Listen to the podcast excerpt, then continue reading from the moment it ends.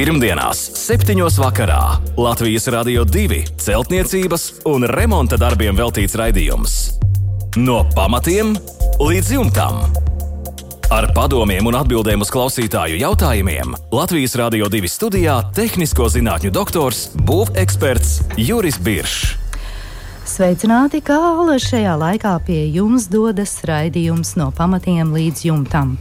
Studijā Inese, un šoreiz mēs plašāk parunāsim par griestu siltumizolācijas risinājumiem, materiālu izvēli un darba gaitu.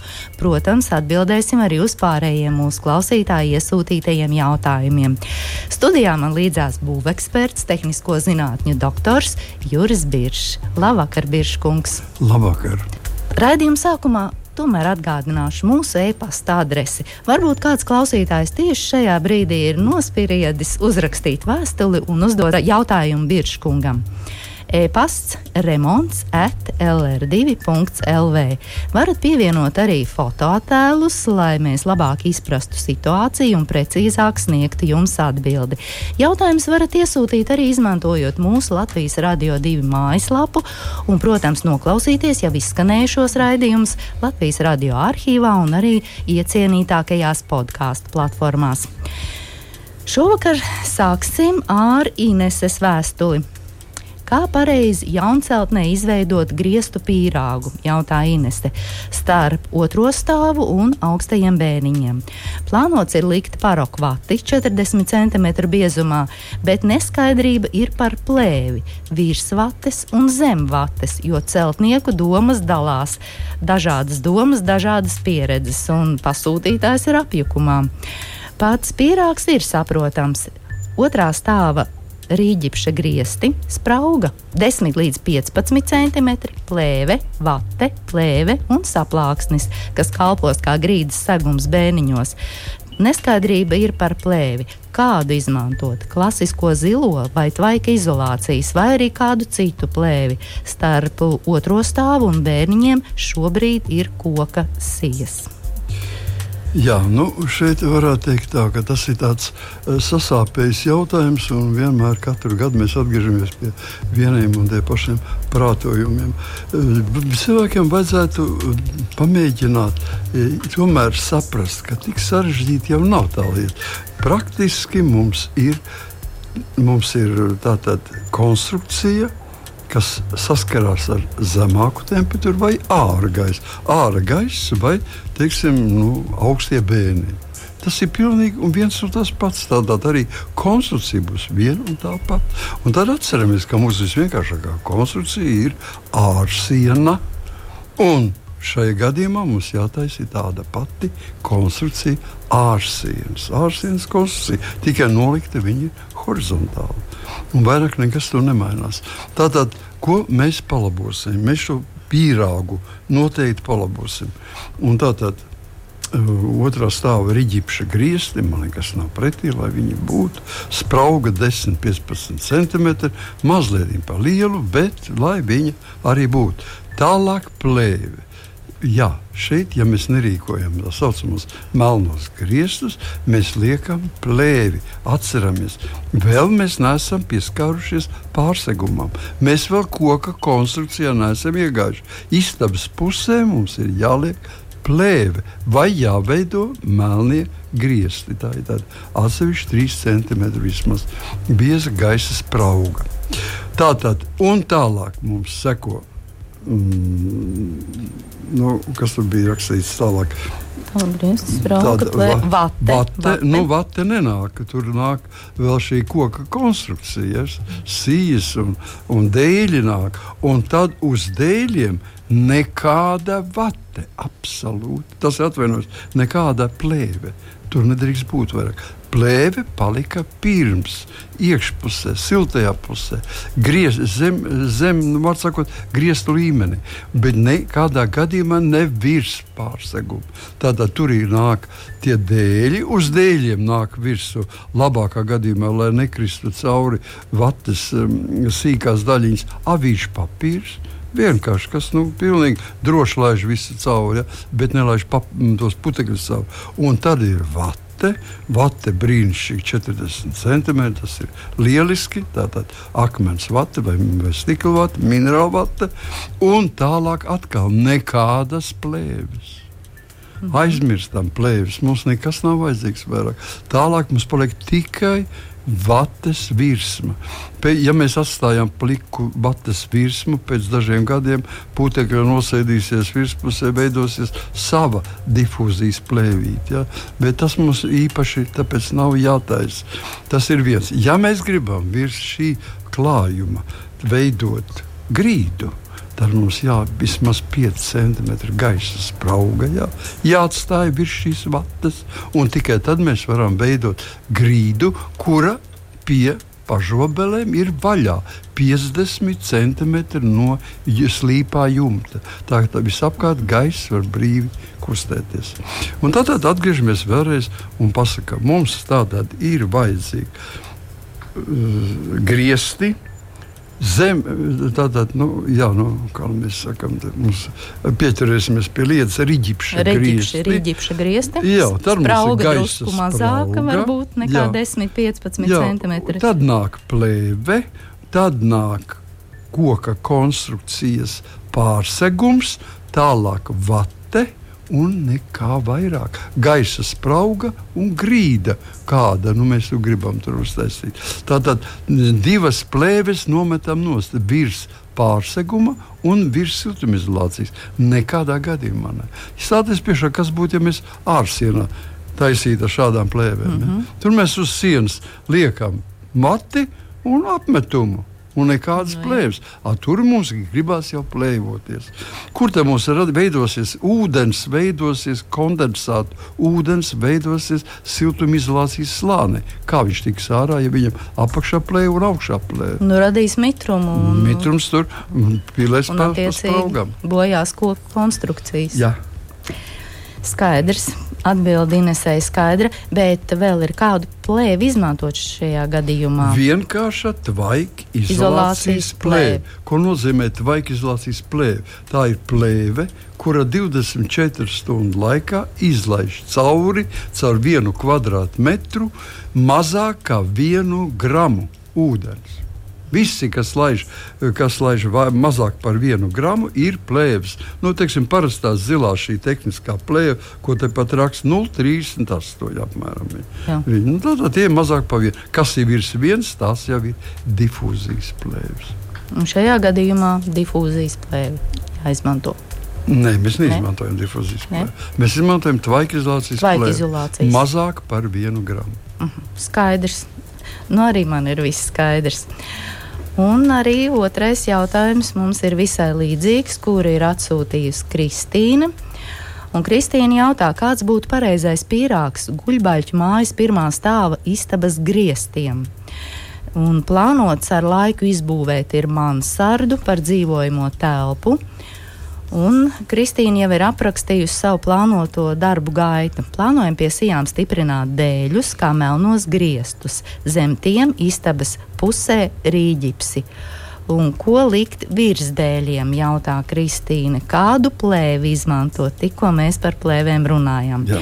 Pašlaik mansards ir neapdzīvots, tam cauri svilpo vējš kā veidot šo siltinājumu ar skatu uz to, ka laika gaitā mansards tiks izbūvēts par dzīvojamo telpu.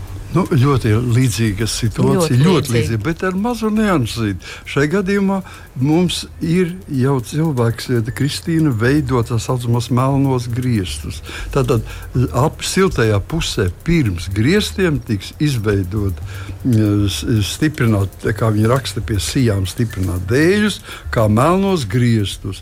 Ja mēs veidojam melnos griestus, mums plēvi nevajag vairāk. Ir divas lietas, ko nekad nevajag sajaukt. Agrākos laikos nebija plēves, un cilvēki veidoja tajā pārsegumā, kas saskārās ar ārā gaisu, veidoja melnos griestus. No dēļiem. No, dē, no dēļiem, no, jā, no, dēļ, no dēļiem veidoja tādu apmēram 2-3 cm biezu gaisa slāni, kas atdalīja, kurā visi, visi siltu, siltie uh, ūdens tvaiki un gaisa no istabas iekļuva iekšā tur.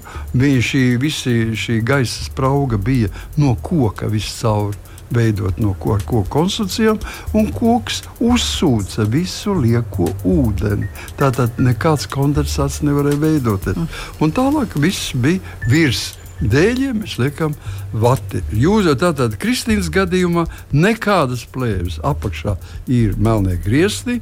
Tālāk ir pārsegums. Uz pārseguma dēļiem liekam siltumizolācijas materiālu, cik tikai biezu gribam.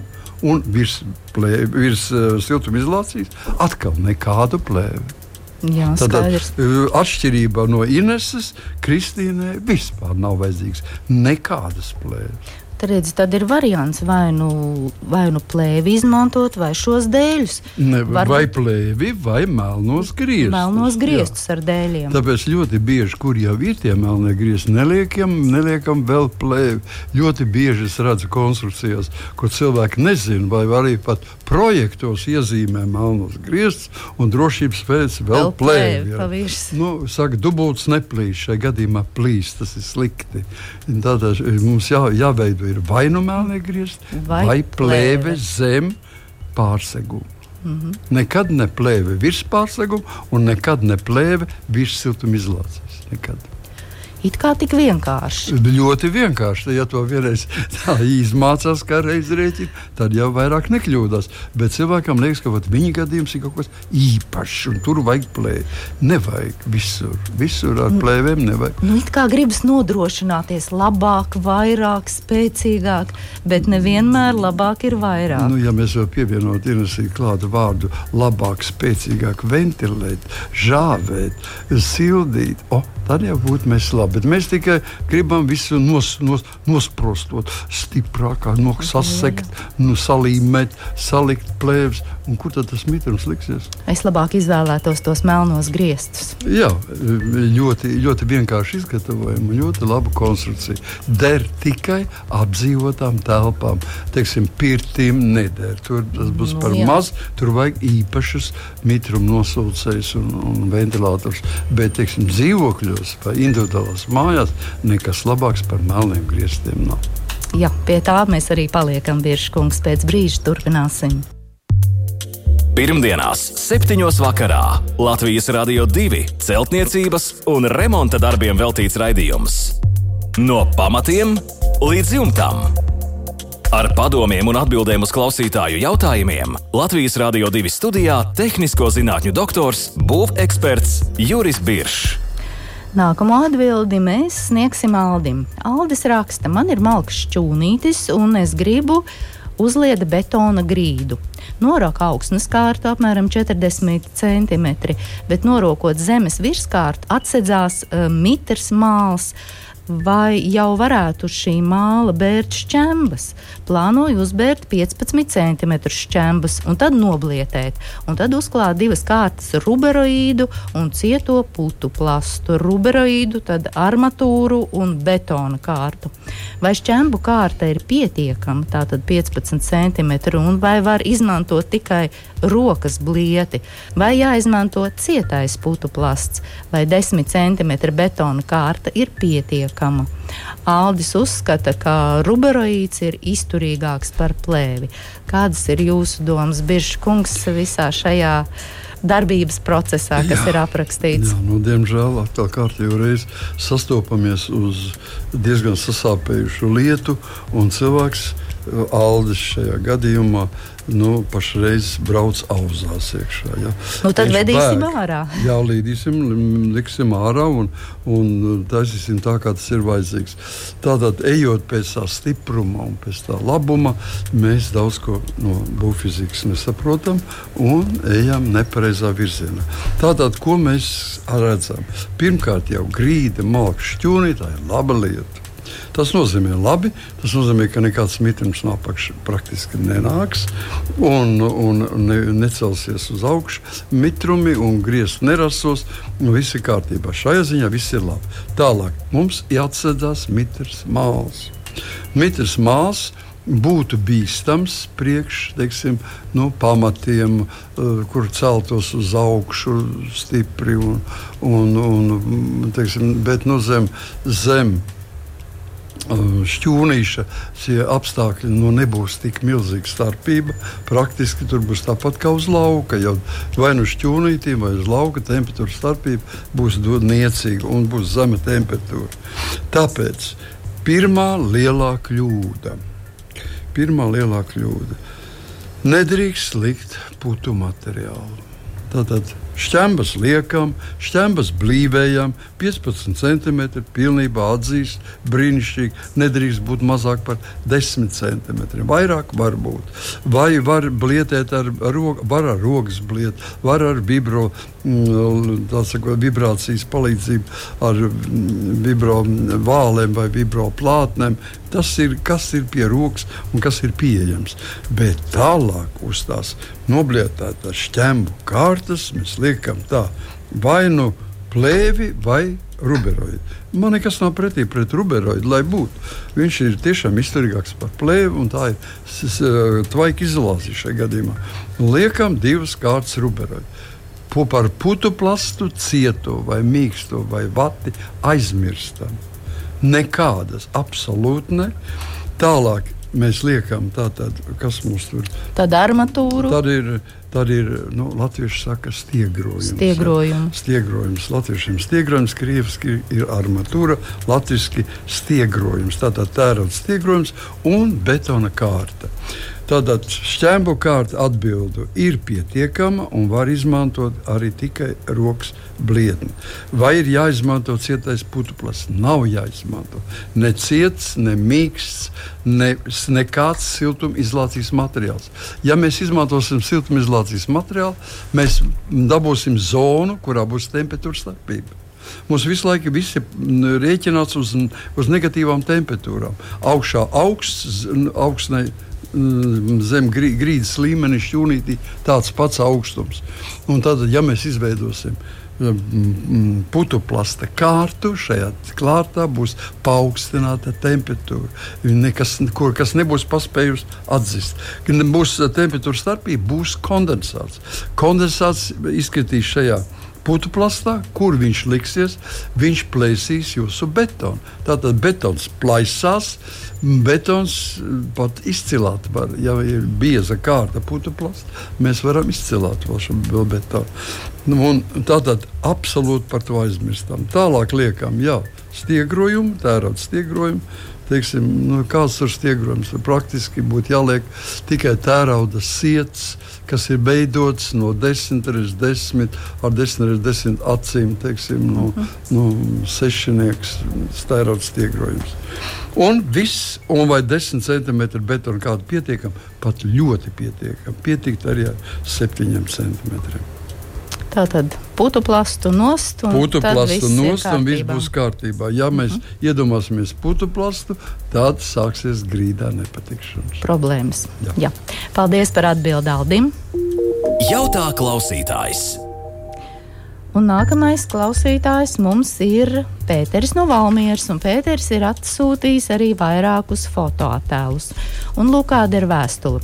Vēlos pilnībā renovēt 70. gados celtu 150 mm stāvguļu būvi, apšūtu ar ķieģeļiem. Starpa ir apmēram 50 mm gaisa sprauga.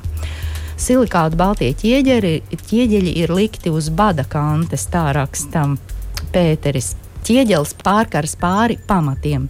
Pa vertikāli šie ķieģeļi vietām ir savienoti ar stāvbūvi, izmantojot uh, iemūrētas, iesistas naglas. Domāju siltināt no iekšpuses ar kokšķiedras plāksnēm. Cik biezas plāksnes izmantot, jautā Pēters. Ņemot vērā, ka ne visiem biezumiem ir spundes, vai varu likt divās kārtās pamīšus, plānākas loksnes, lai pārsegtu savienojumu vietas un ar to nobeigt siltināšanu. Vēl vai reģipša loksnes būtu labas kā nobeigums, vai nepieciešamas atkal tās plēves, atkal plēves. Šodien viss par plēvēm. Un arī fotoattēlu mums ir pievienoti vairāki. Un tā kā situācija ir samērā skaidra. Jā, nu, tā, sāksim ar to, ka es redzu foto uzņēmumā pusotstāvīgu, nu, mēs varētu teikt, pat, pat varbūt divstāvīgu, pusotstāvīgu, pareizāk. Ļoti simpātiska mājiņa aplikta ar ķieģeļiem un, un, un tāda silikāta baltie ķieģeļi Un, starp, protams, ka starp koka būvi un tātad Pēters no Valmieras viņu sauc par par um, stāvguļu būvi. Nu, tāda nav nosaukuma. Tā ir vienkārši stāvbūve, jā, karkas, koka, koka karkasas mm -hmm. būve, kura ir tādā horizontāli apsašūta ar, ar, ar dēļiem un, un, un, un dažādām plankām. Ar viņiem ir likts arī, arī nu, teiksim, pakulis un tā tālāk. Pareizāk būtu tā, ka tā ir stāvbūve, karkas, koka ko karkas mājiņa.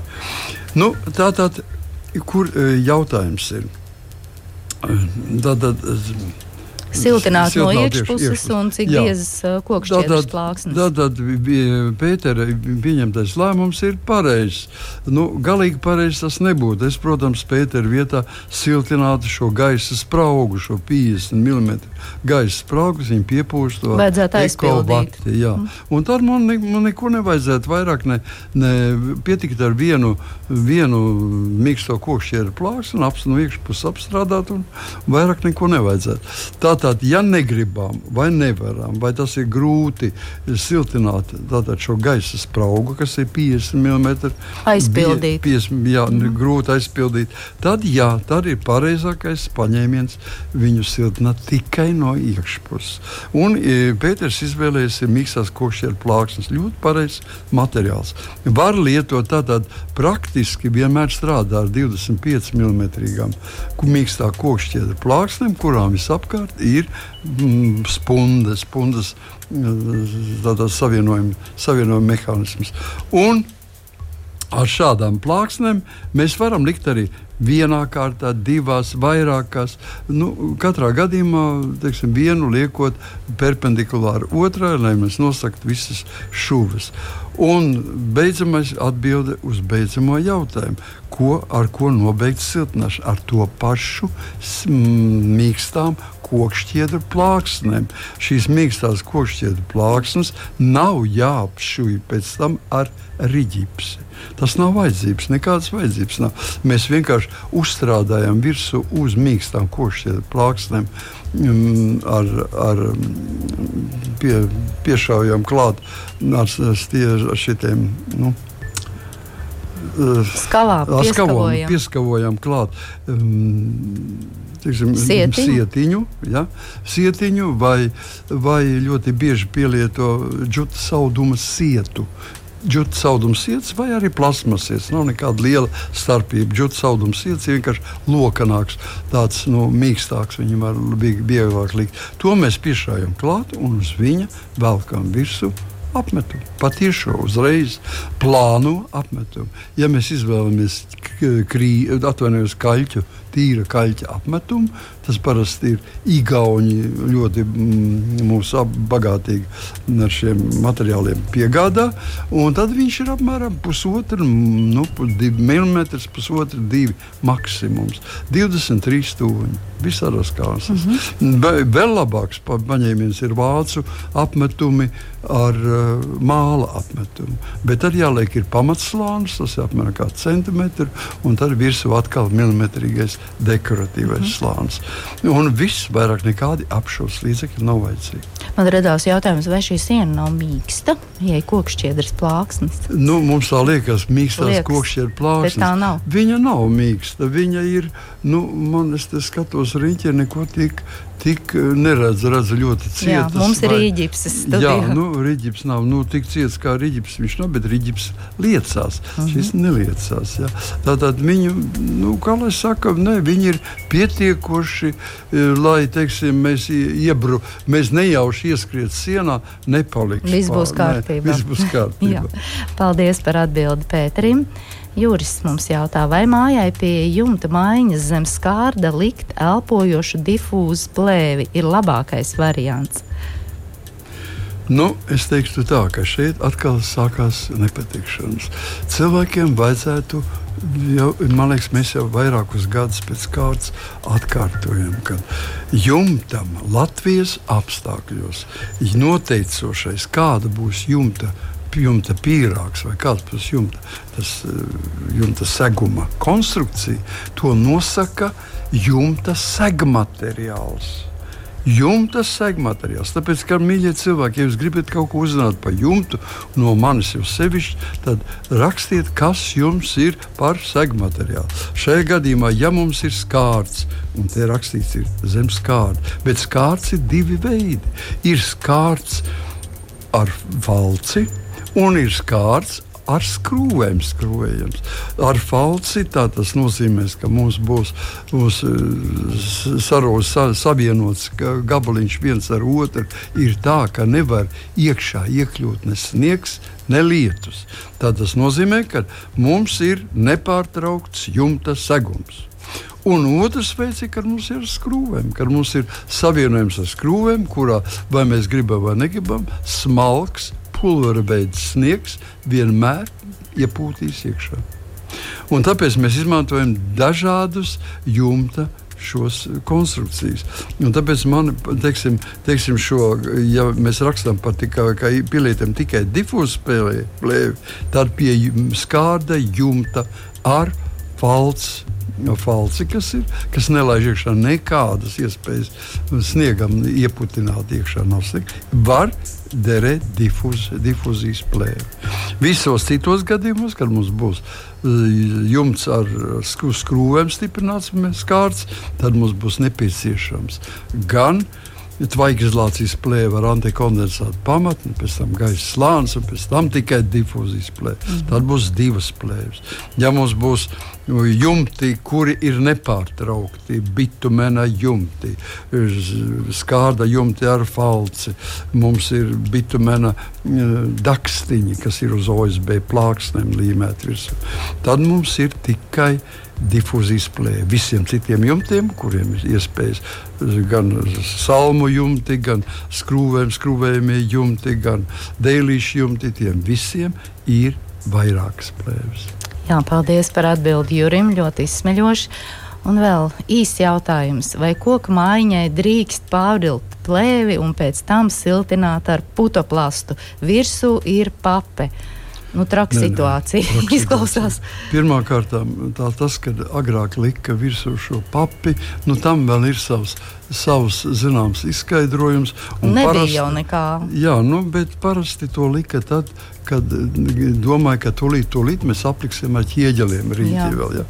Apšaum tad starp koku aplika ar papi un šūja gaisa spraugu un bija šūja ķieģelīte. Šajā gadījumā ķieģelītim nav līdz ķieģelītim aizgājuši. Ja? Tā tad nav tikuši un palikusi tikai tas, tas tā pape, papi ir veca.